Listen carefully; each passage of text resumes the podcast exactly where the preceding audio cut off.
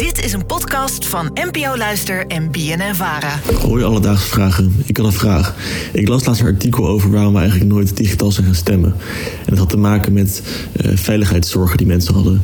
Dus ik vroeg me eigenlijk af, hoe veilig is het stemproces op dit moment eigenlijk? Alledaagse vragen. NPO Luister. Pepijn, dankjewel voor deze vraag. Aaron, vandaag zoomen we in op alle veiligheidsmaatregelen in het stemhokje. Ik ga je niet vragen wat je gaat stemmen, maar weet je al waar je gaat stemmen? Nou, volgens mij hebben we vlak bij mijn huis uh, is een uh, bibliotheek waar je kan stemmen. Dus dat is wel geteld okay. een uh, paar honderd meter. En daar ga ik in de bibliotheek in een stemhokje stemmen. Lekker, meteen een boek meenemen? Misschien, ga ik over nadenken. ja, ik ben zelf ook altijd wel benieuwd hoe het er in die stemhokjes aan toe gaat. Als om negen uur alles dicht gaat en al die honderden, misschien wel duizenden stemmen moeten worden geteld. En hoe ervoor gezorgd wordt dat het ook allemaal veilig en netjes uh, gebeurt. En uh, voor het antwoord daarop heb ik gebeld met Dirk-Jan Bakker. Hij werkt bij Kraft.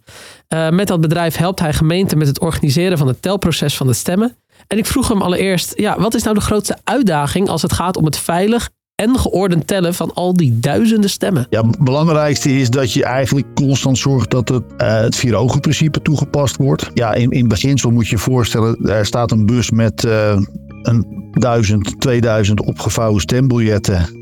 En die moeten uitgesorteerd worden, die moeten geteld worden. Uh, die moeten netjes, vervolgens netjes verwerkt worden. En dat leidt uiteindelijk dan tot een proces verbaal. Uh, en het mag eigenlijk niet zo zijn dat er een, een stembureaulid alleen met stembiljetten of met stempassen, want dat is, dat is de tegenhanger steeds in het, in het telproces, alleen gelaten wordt. Ja, je hoorde Dirk-Jan vertellen over het aantal stempassen als tegenhanger. Je kent dus al, de stempassen lever je dan in bij het bureautje waar je als eerst komt. Daar staat je naam op en vervolgens lever je ook je kiesbiljet in, je stembiljet. Uh, die moeten dus los van elkaar geteld worden, want ja, het moeten er precies evenveel zijn.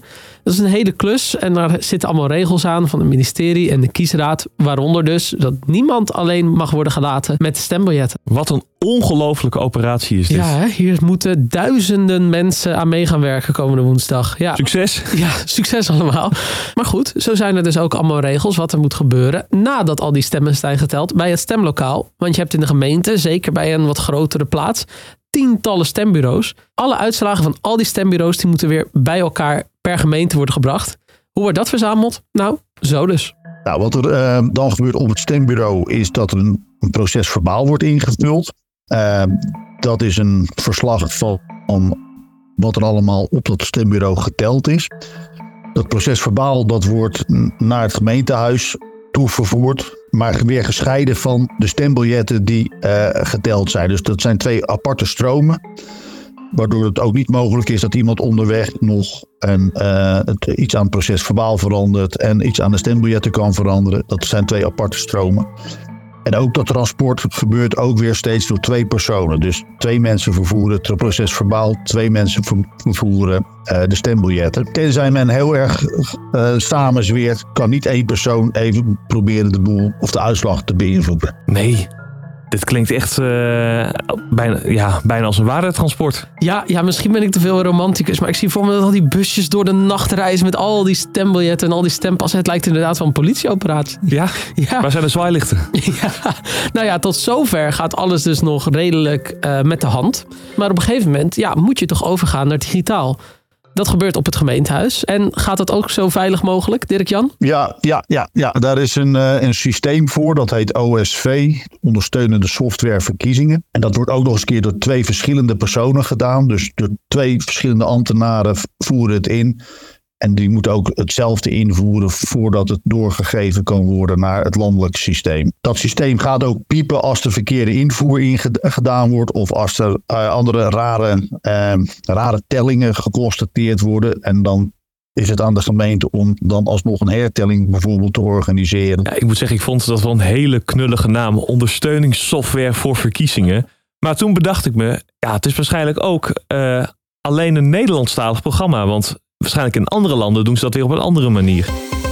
Alledaagse vragen. Ja, we hoorden het al in de vraag van Pepijn. Het digitaal stemmen Als we dat zouden doen, dat zou heel veel mensen heel veel werk schelen. Dirk Jan gaf aan dat gemeenten dit wel zouden zien zitten. Want ja, tellen gaat dan een stuk makkelijker. Maar de landelijke Rijksoverheid, ja, die heeft wat meer wantrouwen. Gevoeligheid voor hacks is een probleem. Ook het kiesgeheim is net iets minder gegarandeerd.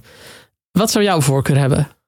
Ja, ja, nou, mits ze kunnen garanderen dat het veilig is, dan zou ik zeggen, doe maar jongens. Want het is uh, wel veel praktischer. Aan de andere kant denk ik ook, het heeft ook wel iets om naar zo'n stemhokje te gaan Ja. en te stemmen. Ja, het heeft wel wat zo'n heel groot stembiljet. Ik vind het ook wel mooi. Dus, Pepijn, in deze aflevering zochten we voor je uit hoe veilig ons stemproces is en hoe dat veilig wordt gehouden. En er komen heel wat mensen aan te pas. In elk stembureau worden los de stempassen en de stembiljetten geteld. Zo weet je zeker dat het aantal stemmen klopt. Vervolgens worden die in verschillende auto's met altijd twee mensen erbij naar het gemeentehuis gebracht. In het gemeentehuis wordt het aantal stemmen per gemeente dan ook weer door verschillende mensen doorgegeven in een systeem dat ook weer checkt voor gekke of ongewone invoer. Heb jij ook een vraag? Stuur ons dan een berichtje op Insta, Alledaagse Vragen. Of mail ons op alledaagsevragen.bnnvaren.nl. En dan, Zoek het voor je uit. precies. Alledaagse vragen. NPO Luister. BNN Vara.